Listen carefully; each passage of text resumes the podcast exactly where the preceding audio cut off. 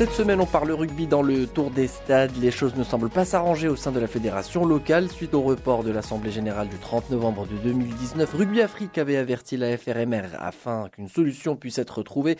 La fédération a donc organisé une assemblée générale samedi dernier sans pour autant que les choses évoluent. Une nouvelle liste a été mise sur la table à la stupeur générale avec en tête Nasser Bougja qui faisait partie de la première liste à l'élection présidentielle. Nasser Bougja est notre invité de ce tour des stades. L'assemblée générale devait avoir lieu le 30 novembre.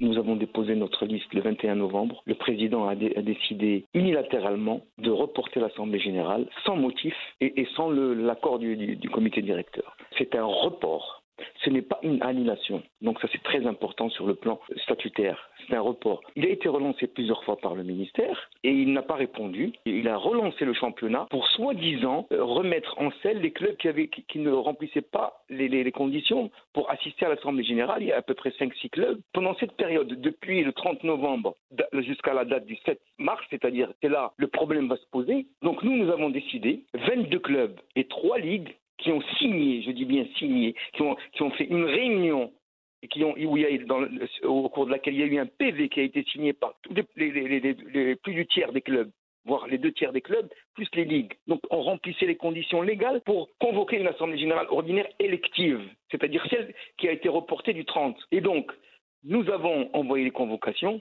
tous les clubs ont signé, les ligues, les présidents de clubs aussi ont signé, et donc l'Assemblée générale était fixée au 29. Cette Assemblée générale, évidemment, a eu lieu. Il y a une dizaine de clubs qui étaient présents, plus une ligue, donc évidemment le quorum n'était pas atteint, puisque, entre-temps, il y a pratiquement une semaine, le président a décidé enfin de lancer et de convoquer une Assemblée générale qui, qui doit avoir lieu normalement le 7 mars.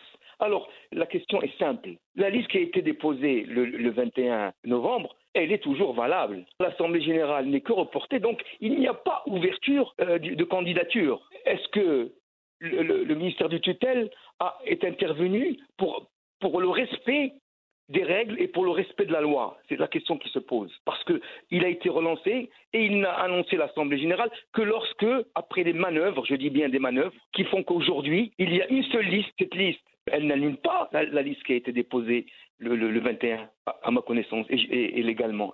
donc, aujourd'hui, nous sommes devant un, problème de légalité de l'Assemblée générale. Qui plus est, si le président avait décidé de reconvoquer une Assemblée générale, il devait obligatoirement lancer une, Assemblée générale extraordinaire. L'objectif est de nommer une commission provisoire qui va veiller à l'organisation d'une nouvelle Assemblée générale. Alors euh, justement, Monsieur Nassar Bougja, la fédération a été euh, rappelée à l'ordre par Rugby Afrique, justement pour qu'il y ait eu euh, cette Assemblée générale. Il y a quelques questions qui se posent quant à la légalité de cette Assemblée. Dans ce cas précis, vers quel scénario on pourrait se diriger Pour moi, le, bureau qui va être élu le 7, parce qu'il va y avoir une assemblée, avec, avec l'aval et le consentement du ministère, ça, il ne faut pas se casser la, face, hein, il faut dire la vérité. Donc, vis-à-vis de la tutelle, eh évidemment, euh, mais vis-à-vis du respect des règles, non seulement euh, internes, mais internationales, et tous les principes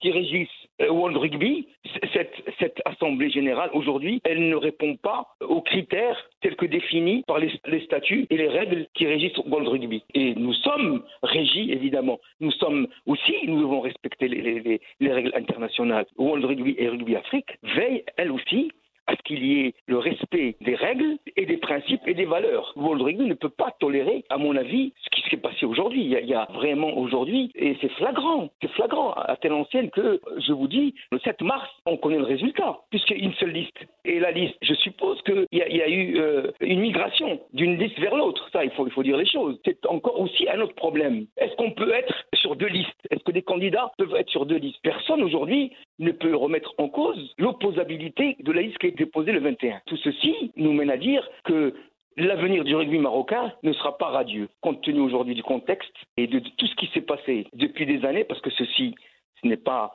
récent. Aujourd'hui, c'est l'accumulation de tout ce qui a été fait depuis dix ans pour en arriver aujourd'hui à un, résultat qui, à mon avis, ne présage pas d'un avenir radieux du rugby marocain. Voilà. Je suis vraiment très pessimiste par rapport à, ce qui va se passer dans les, les, jours qui viennent, voire les, mois qui viennent. Quoi qu'il en soit, une solution devra vite être trouvée car si les choses n'évoluent pas, le Maroc va certainement être prochainement suspendu par Rugby Afrique et ne participera plus aux compétitions internationales.